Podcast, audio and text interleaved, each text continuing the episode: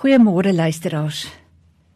Vanoggend gaan ons praat oor gebed. En ons lees saam uit Ester 4 vers 15 tot 16. Ester het toe vir Mordegai laat weet: "Gaan maak al die Jode wat in Susan is bymekaar en vas ter wille van my. Niemand moet weet dat ek sukkel nie. Ek sal self deur hierdie probleem werk en worstel. Buitendien As ek vir iemand sê dat ek 'n probleem het, lê dit môre die hele wêreld vol. So redeneer ons vol bravade om ons onafhanklikheid te beskerm al gaan dit hoe sleg. Die mens is egter nie 'n eiland nie. Gelowiges moet daar wees vir mekaar.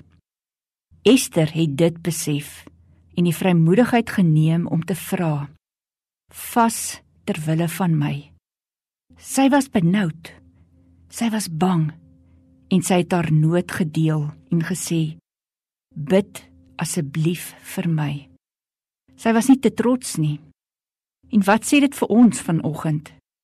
Vra iemand of selfs 'n aantal mense om vir jou gebedsondersteuners te wees. Ons kan deesdae die telefoon optel, 'n WhatsApp stuur of 'n SMS stuur en sê: "Bid asseblief vir my." 'n Vriendin, iemand in jou groeigroep, of iemand in die gemeente of iemand by die werk. Maar wees jy ook 'n gebedsondersteuner vir iemand anders. Wees 'n ware vertroueling. Dra jou medegelowiges se nood aan die Here op. Dit is ons taak, dit is 'n opdrag. Deel jou geloofsnood met hierdie medegelowiges. Dit is soms blootstellend. Dink net hoe moes Ester die koningin gevoel het. Sy wat moes heers, moes onderdane vra vas ter wille van my bid tree in vir my. Maar dit was goed. Niemand kan sonder die krag van gebed klaarkom nie.